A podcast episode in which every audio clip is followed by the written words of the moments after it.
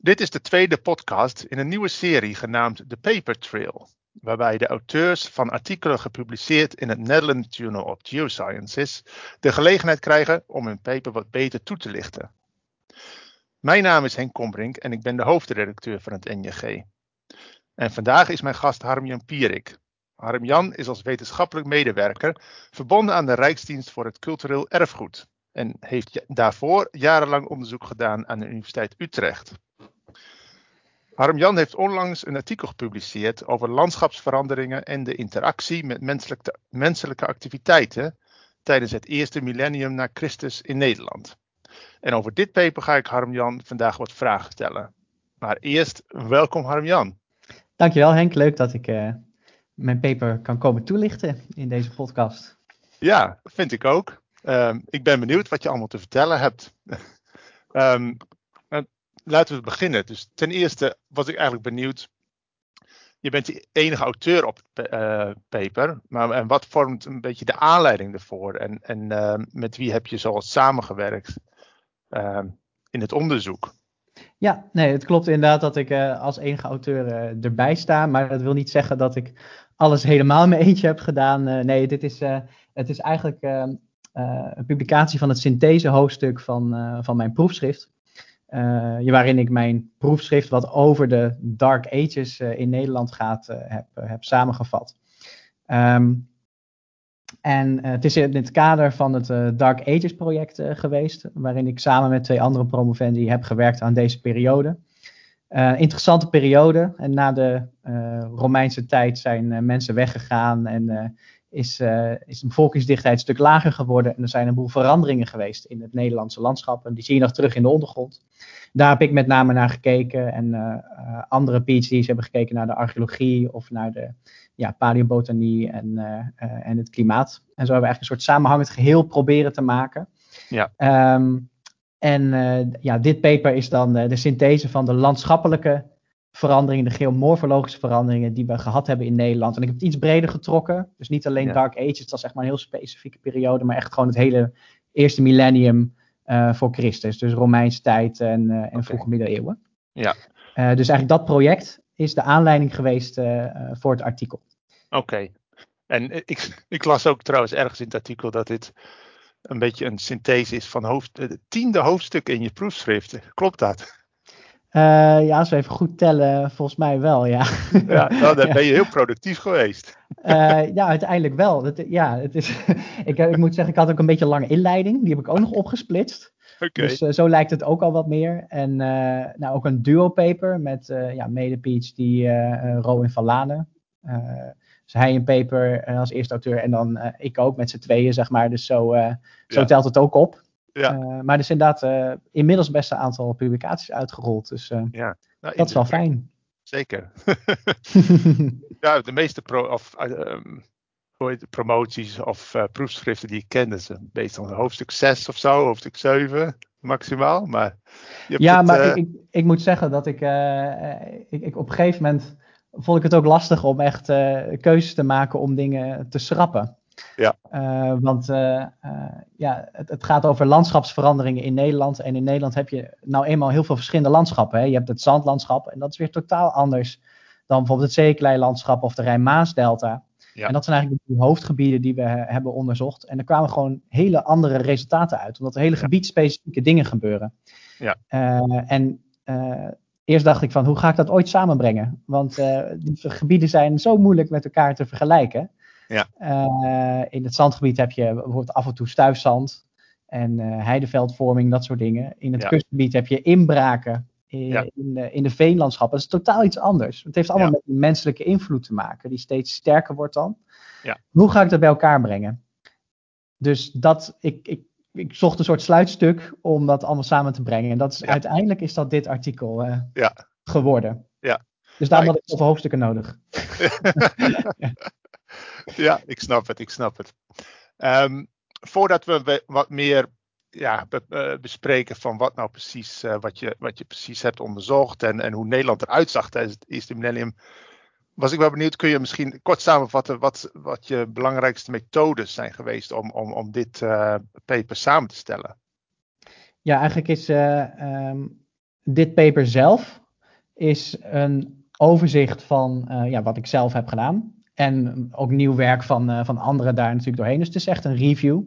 Dus als je geïnteresseerd bent in van, goh, wat gebeurde in Romeinse tijd, vroege middeleeuwen, met het Nederlandse landschap dan kom je eigenlijk, eh, als het goed is, automatisch bij, eh, bij dit artikel uit. En dat is ook een soort aanloop naar hoe Nederland steeds meer door mensen werd gedomineerd. Maar dat we nog niet volledig in een helemaal ontgonnen en bedijkt cultuurlandschap zaten, zoals we dat vanaf ja, middeleeuwen bijvoorbeeld wel hadden. Ja. Ehm, dus dat is, dat, dat is heel erg de aanleiding ook van, het, van het artikel geweest. Ja. Um, dan was ik heel even je vraag kwijt. Ja, de, de, de, belangrijkste methodes. Die ah, juist. Ja, de methodes. Dat is nog iets anders dan de aanleiding natuurlijk. Uh, nee, dus uh, voor dit artikel specifiek echt dingen reviewen en vergelijken. Oké. en kijken waar is nou de verandering het sterkst en hoe komt dat nou? Daar een evaluatie ja. op doen. En voor de deelhoofdstuk in mijn proefschrift, waar dit dus op teruggrijpt, heb ik eigenlijk ook gebruik van datasynthese. Uh, maar iets meer brondata bij elkaar gebracht. Vaak data die lokaal versnipperd al aanwezig is, hè, door andere mensen de afgelopen decennia al uh, onderzocht en versnipperd in publicaties of databases, dat samengebracht in kaartproducten, vaak. En zo creëer je overzicht en dan is het gewoon vergelijken wat gebeurt er in het landschap en wat hebben mensen gedaan en kunnen we daar een soort timing, chronologie en ja, hopelijk ook een soort correlatie uithalen. Dus wat gebeurde waar en hoe hing het samen met menselijke invloed? Inderdaad. En als we nou eens teruggaan hè, naar uh, het begin van jouw duizendjarige historie, dus rond het jaar nul. Uh, hoe zag Nederland er zeg maar heel groot, grootschalig zeg maar, uit qua, qua landschap? Wat zijn de belangrijkste elementen rond, rond die tijd? Ja, toch eigenlijk wel een stukje anders dan, uh, dan vandaag de dag.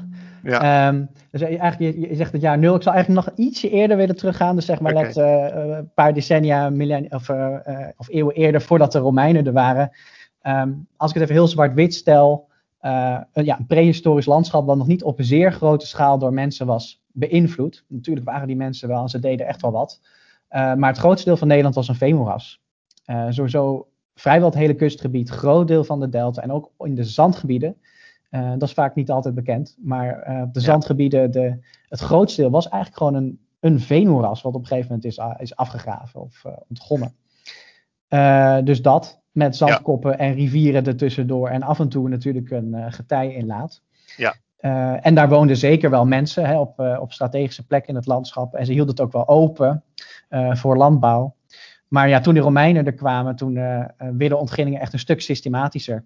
Toen kreeg je natuurlijk wegen en steden, uh, grootschaligere ontginningen. En zo werd eigenlijk dat landschap steeds meer en meer, uh, meer aangetast. Ja. Maar het, haal, ja, het haalt het eigenlijk nog niet bij wat het daarna werd. Na de bedijking en de grootschalige veenontginningen. Ja. Ontbossingen waardoor je heidelandschappen krijgt. Hè. Dat zijn ook niet echt natuurlijke landschappen.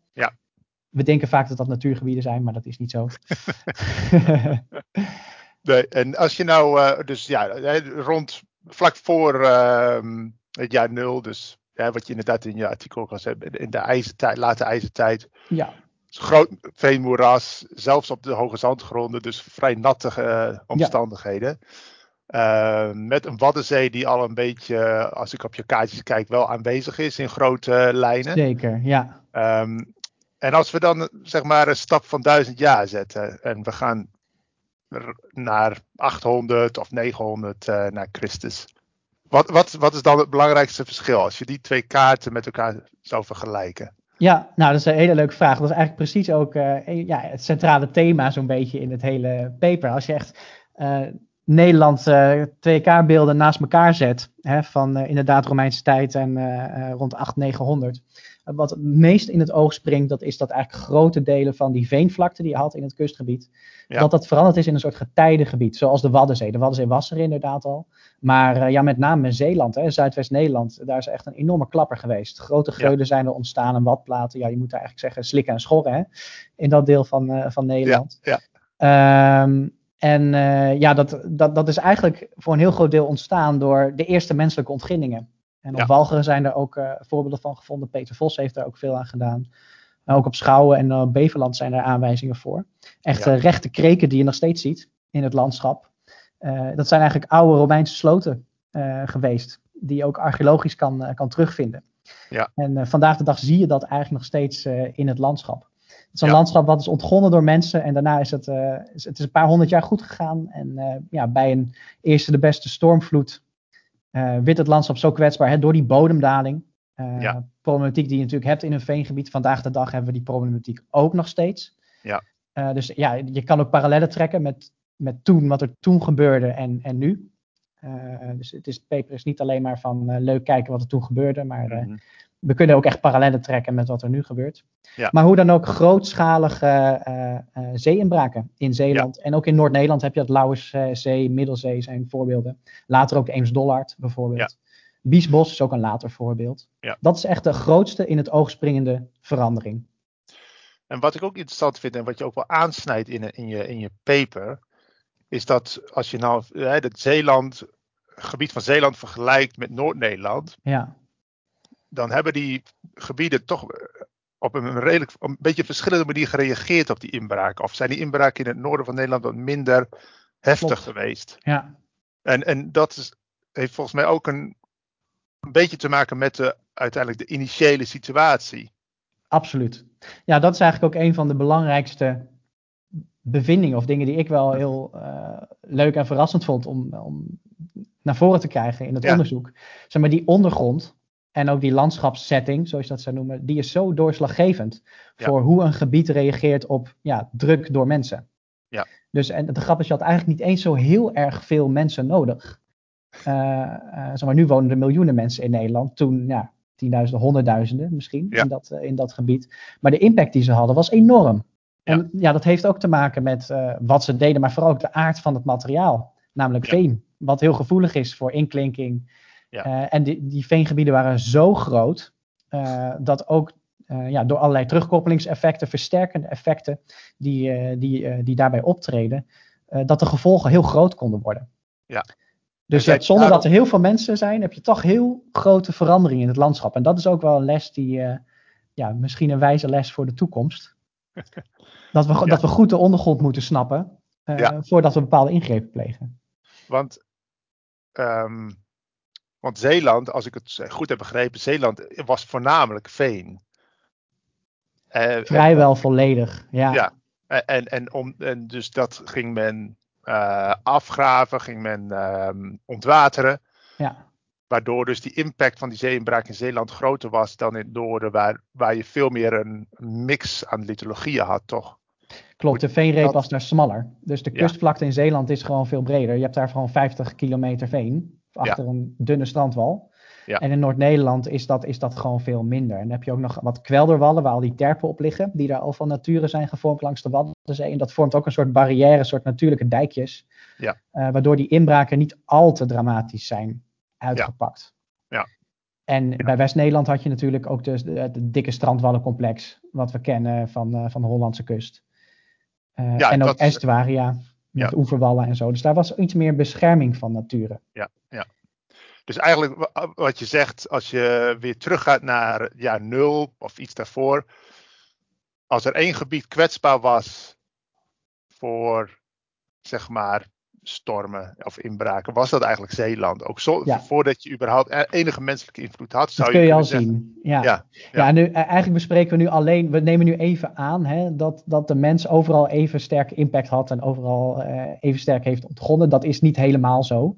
Ja, er zitten natuurlijk ook weer verschillen in. Maar als je puur landschappelijk geologisch kijkt, is Zeeland, is het niet zo gek dat het daar helemaal eh, eh, is, verdronken. Ja, ja, We ja. moeten trouwens niet vergeten dat het daarna ook weer is opgeslipt. En Ja. in delen bedijkt. En zo krijgen we Zeeland zoals we dat nu kennen.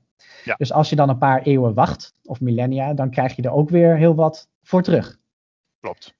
Klopt. Misschien is dat nog iets waar we van eh, kunnen leren, ook voor de toekomst. Ja. Met wat geduld. Met heel wat geduld. Ja. Ja.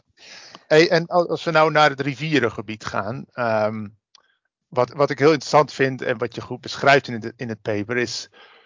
Ja, dat mensen dus klaarblijkelijk ook zelfs aan de voet hebben gestaan van best wel een grote reorganisatie van het hele rivierenpatroon. Ja, dat klopt. Ja. ja, je hebt rivieren in een delta verleggen zich eigenlijk eh, van nature. Dat, dat zijn vaak natuurlijke processen, gewoon puur doordat je op ene plek meer opslimming krijgt dan op de andere. En daardoor krijg je gradiënten of eh, door stormen of overstromingen kan er van alles gebeuren. Ja. Maar je krijgt natuurlijk ja, in deze periode bij uitstek steeds meer menselijke invloed in zo'n delta. En zeker het lagere deel van de delta, hè, dus echt het westelijke deel waar dus ook de veengebieden zitten, wat nu een beetje het groene hart is, zeg maar. Ja. Alblasserwaard, Krimpenerwaard, uh, dat, dat stuk, zeg maar. Dat is eigenlijk gewoon vlak. Uh, Ja. Dus dat is, uh, vroeger was dat ook, nu is het een badkuip, nu is het lager dan zeeniveau. Vroeger was het ongeveer rond zeeniveau. En was het ook zo'n veenmoeras. En je had de Rijn in het noorden langs de Oude Rijn en wat Maas en ook wel wat Rijntakken in het zuiden. In de buurt Ja. van Dordrecht en zo. En daartussen zat gewoon eigenlijk een uitgestrekt veengebied. Ja. Uh, en wat we zien is dat mensen rondom Rotterdam in de Maasmond uh, gaan zitten, daar kleinschalige ontginning plegen. Tegelijkertijd komt vanuit Duitsland een boel meer sediment op ons af, hè, door ont, uh, ontbossing. Ja. Valt er, krijg je meer sediment vanaf de hellingen in Nederland, krijg je een hele kwak klei extra. Dat is ook aangetoond in, in eerder onderzoek. En eigenlijk Ja. we denken dat die combinatie, dus dat, dat sediment van boven en ja, de daling in het Maasmondgebied bij Rotterdam, dat dat heeft uitgelokt dat natuurlijke proces van zo'n uh, rivierverlegging dwars door zo'n veengebied heen. Wat eigenlijk niet per se de meest logische route is. Ja. Dus de, met name de Lek en de Hollandse IJssel. Ja. Die steken dan eigenlijk over vanuit die Rijntak naar de, naar de Maas. Ja. En zo En- krijg je dus dat die oude Rijn tussen Utrecht en Leiden, hè, die Ja. klassieke Limesgrens, dat die uh, langzaamaan verlaten raakt en uh, opslipt tot wat het nu is. En dan heb je dus ook nog eens een keer de IJssel die ontstaat. Klopt. Ja, en dat is meer bovenstrooms. Ja.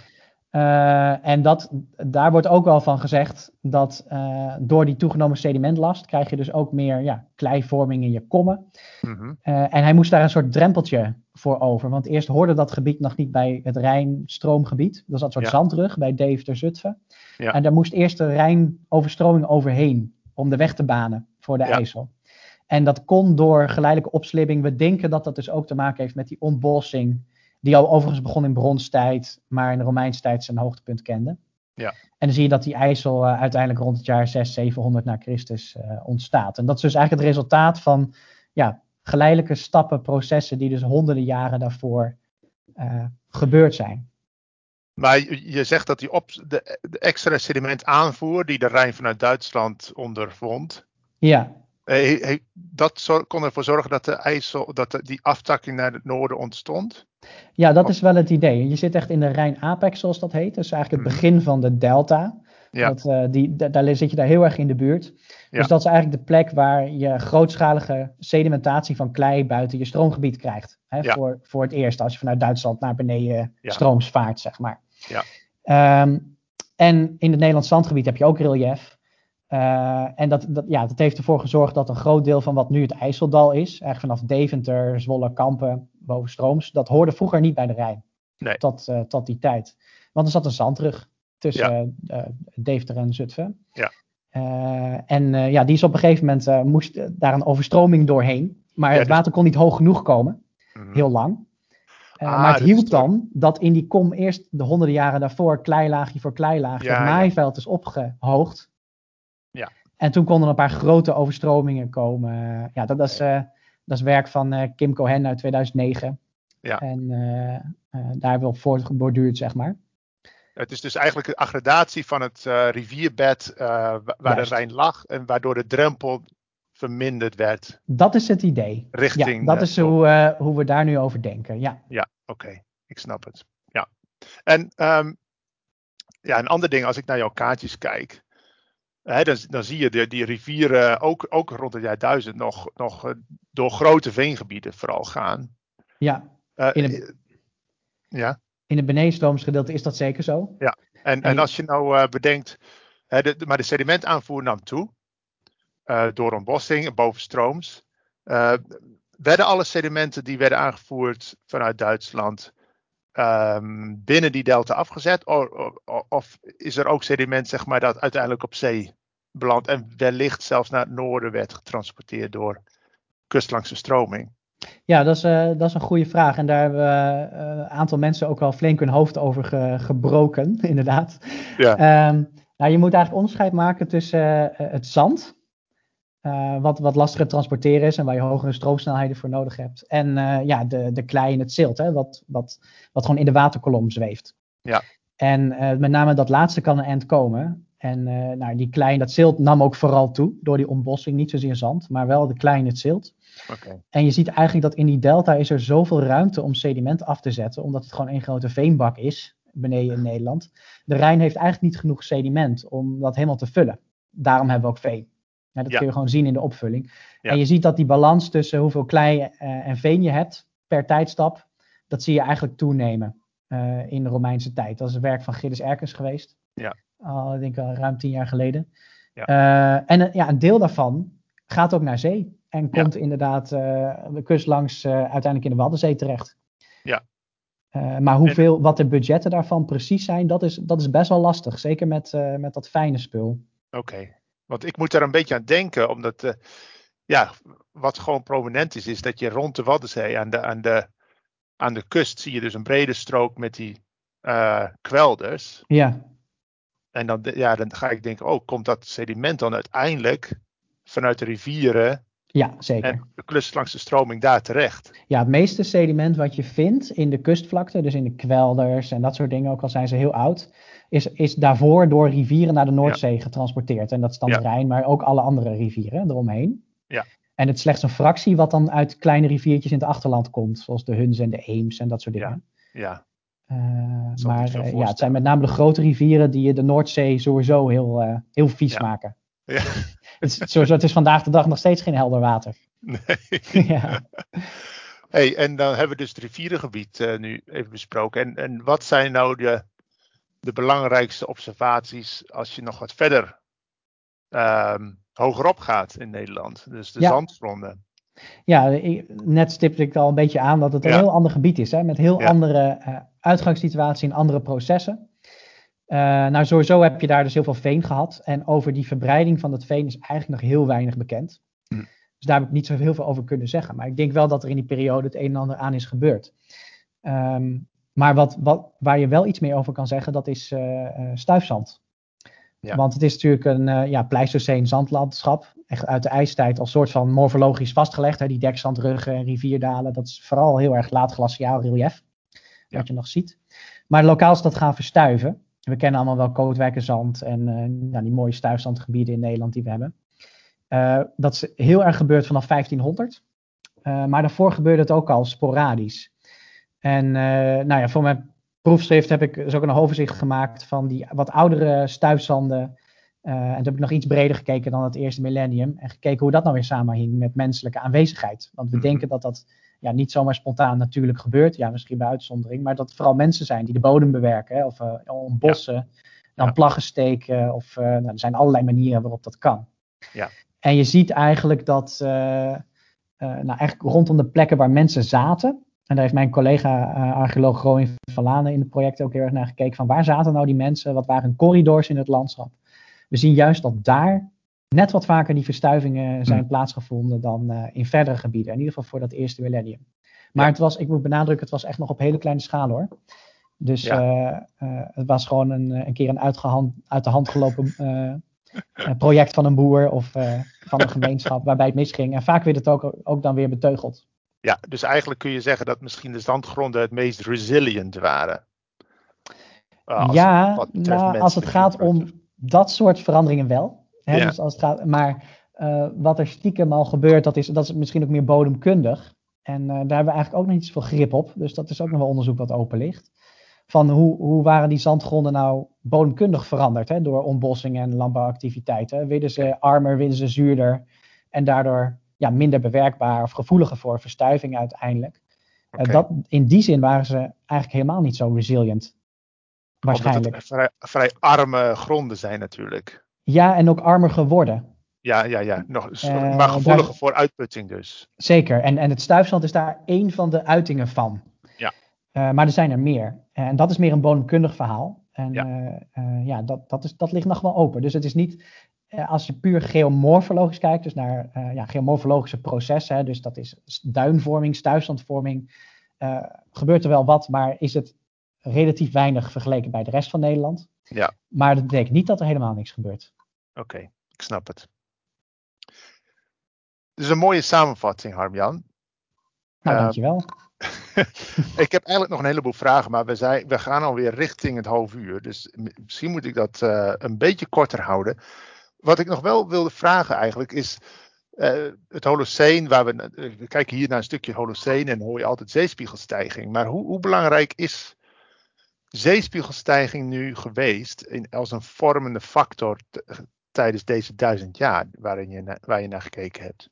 Nou, ik denk eigenlijk precies in dit deel van het Holoceen relatief onbelangrijk. Ja, dat dacht ik wel. hiervoor natuurlijk heel belangrijk, toen je de ja. snel sterkende zeespiegel had. Maar ja, de, de, de, soort van, en dan hebben we het over de eustatische. Hè? Maar je hebt natuurlijk ja. ook nog de relatieve. Want uh, we hadden het al even over die veengebieden, die, die daalden. Dus daar kreeg je bodemdaling. Dus dat zou je ook als een zeespiegelstijging kunnen zien. Ja. En in die zin is het ook een soort voorbode voor wat we misschien gaan krijgen. Ja. Uh, want de veengebieden dalen nog steeds, hè, dat is een probleem. Ja. Uh, en dat heeft ook alles met de ondergrond te maken. En je ziet toch ja. wel heel sterk uit deze studie dat uh, ja, die ondergrond en die omgeving heel bepalend is voor de mate waarin dat gebeurt. Ja, ja. Maar de statische zeespiegelstijging in deze duizend jaar is, is relatief is, is er relatief Klein. weinig. Ja. En er zit ook nog wat onzekerheid in, want er zijn ook uh, mensen die denken dat het meer uh, een gladde lijn is, zeg maar, die zeespiegelcurve. Heel langzaam omhoog. Um, maar dan heb je het over decimeters, hè, over deze ja. periode. Ja. Um, en er zijn mensen die zeggen van, nou ja, we weten het niet zo goed en ik kan niet goed meten. Er zitten misschien wel wobbels in. Hè? Een soort van, als oh, ja. er meer ijsbergen komen of uh, periodes van warmte zijn, dan kun je toch nog een iets versnellingje krijgen. Dat, dat, dat is niet helemaal uitgesloten. Ja. Maar ja, als je het hebt over wat is nou de belangrijkste vormende factor, dan is dat toch wel de, het menselijk ingrijpen ja. in deze periode. En dat, dat is, uh, het zijn niet zoveel mensen, maar de impact is enorm. Ja. En als je nou uh, zelf terug mocht gaan hè, naar het Nederland uh, van toen, waar zou jij je hebben gevestigd? Uh, ja, ik wou even zeggen op de Veluwe, maar dat is ook niet handig. Maar dat is iets te arme zandgronden waarschijnlijk. Nee, ja, ja wat, je, wat je vaak ziet is dat mensen op over, uh, veilige overgangszones in landschappen gaan zitten. Waar ze op de overgang van hoog naar, uh, naar laag, van droog naar nat. Zodat ja. je een soort van veilig zit, maar wel het beste uit beide werelden hebt. Ja. Waar je zo naartoe kan lopen. Dus ik zou denk ik ook op zo'n overgangszone gaan zitten in de duinen. Ja. als je van zee houdt of meer richting de Utrechtse heuvelen gaan. Niet op een terp. Ja, dat zou ook nog kunnen, ja. Dat je er zelf in opbouwt. Ja. nou, dat is wel het meest innovatieve eigenlijk. Dan ben je wel een voorloper. Ja, ook. Want je, en je zegt ook dat, dat ja. uh, die, die, de terpenzone in het noorden van Nederland was een van de dichtst bevolkte gebieden ooit. Ja, dat klopt, ja. Ja, dat was uh, ook wel rivierengebied. Oké. Okay. Maar je ziet eigenlijk die, juist die gebieden waarvan je denkt van, god, dat is best wel nat. Dat was een beetje de randstad van, uh, van die tijd. Ja, uh, en in de Terpenzone was heel dicht uh, bevolkt, riviergebied ja. ook. En ook rond Mazelmond en Rijnmond. Ja. Het oerei. Dat, dat, is in wezen nog steeds zo. Uh, ja, klopt. Alleen ja, de Randstad is natuurlijk gebouwd op, op veen. Hè? Amsterdam, ja. ja, welke, welk land bouwt nou weer zijn hoofdstad op, op zoveel meter veen? Dat, dat is alleen maar Nederland. ja. inderdaad. Um, nou, nog een, nog een laatste vraag aan Jan, en dan moeten we denk ik afsluiten. Er is natuurlijk al heel veel onderzoek gedaan naar landschapsontwikkeling. Uh, maar je, je, je, zo net heb je daar ook al uh, wat over gezegd. Wat zijn nou nog de hoofdvragen die, waar de wetenschap zich nu op richt qua, qua landschapsontwikkeling tijdens de prehistorie en de historie? Uh, ja, oh joh, er zijn echt nog voldoende vragen hoor. ja. Ja, dus inderdaad hoe het zit met die, uh, ja, op de zandgronden, met de bodemuitputting en de veenverbreiding. En de hele ja, hydrologische situatie daaromheen. Hè? Van wanneer kreeg je nou verdroging, wanneer kreeg je nou vernatting? En hoe hangt dat samen met allerlei veranderingen in het landschap? Mm. dat is wel echt een, een relevante vraag, ook voor, voor erfgoed en archeologie. Ja. maar ook al ja, droogte spelen nu natuurlijk ook. Ja. Dus voor het klimaatbestendig maken van gebieden is dat ook wel zeer interessant. Ja. Uh, ja, verder zijn er allerlei kleine deelvragen. Ja, bijvoorbeeld wat is uh, impact van dingen als overstromingen of stormen? En ja. we hebben het nu heel erg over lange termijn menselijke impact gehad. Dat is eigenlijk een sluimerend iets, is dat. Mm-hmm. Maar er zijn natuurlijk ook de, ja, de stormen die echt voor die inbraken gezorgd hebben. Of voor die rivierverleggingen. Dat zijn vaak de triggers. Ja. die iets ja, teweeg brengen wat al heel lang in de lucht hangt door menselijke impact. Ja. Maar wat nou precies de invloed is van die grote events, dat, dat weten we eigenlijk ook nog niet zo goed. We weten helemaal niet zo goed wanneer nou echt de stormvloeden waren in de prehistorische tijd. Het is gewoon niet bekend. Ja. Dus daar is nog wel, daar is nog wel het een en ander aan, aan te sleutelen. Leuk. Nou, we zijn nog lang niet klaar. nee, dat denk ik ook niet. Het begint pas. Mooi. Harbian, ik wil je hartelijk bedanken voor je tijd. En, nou, jij heel erg bedankt ook dat ik wat mocht komen vertellen over dit artikel. Graag gedaan.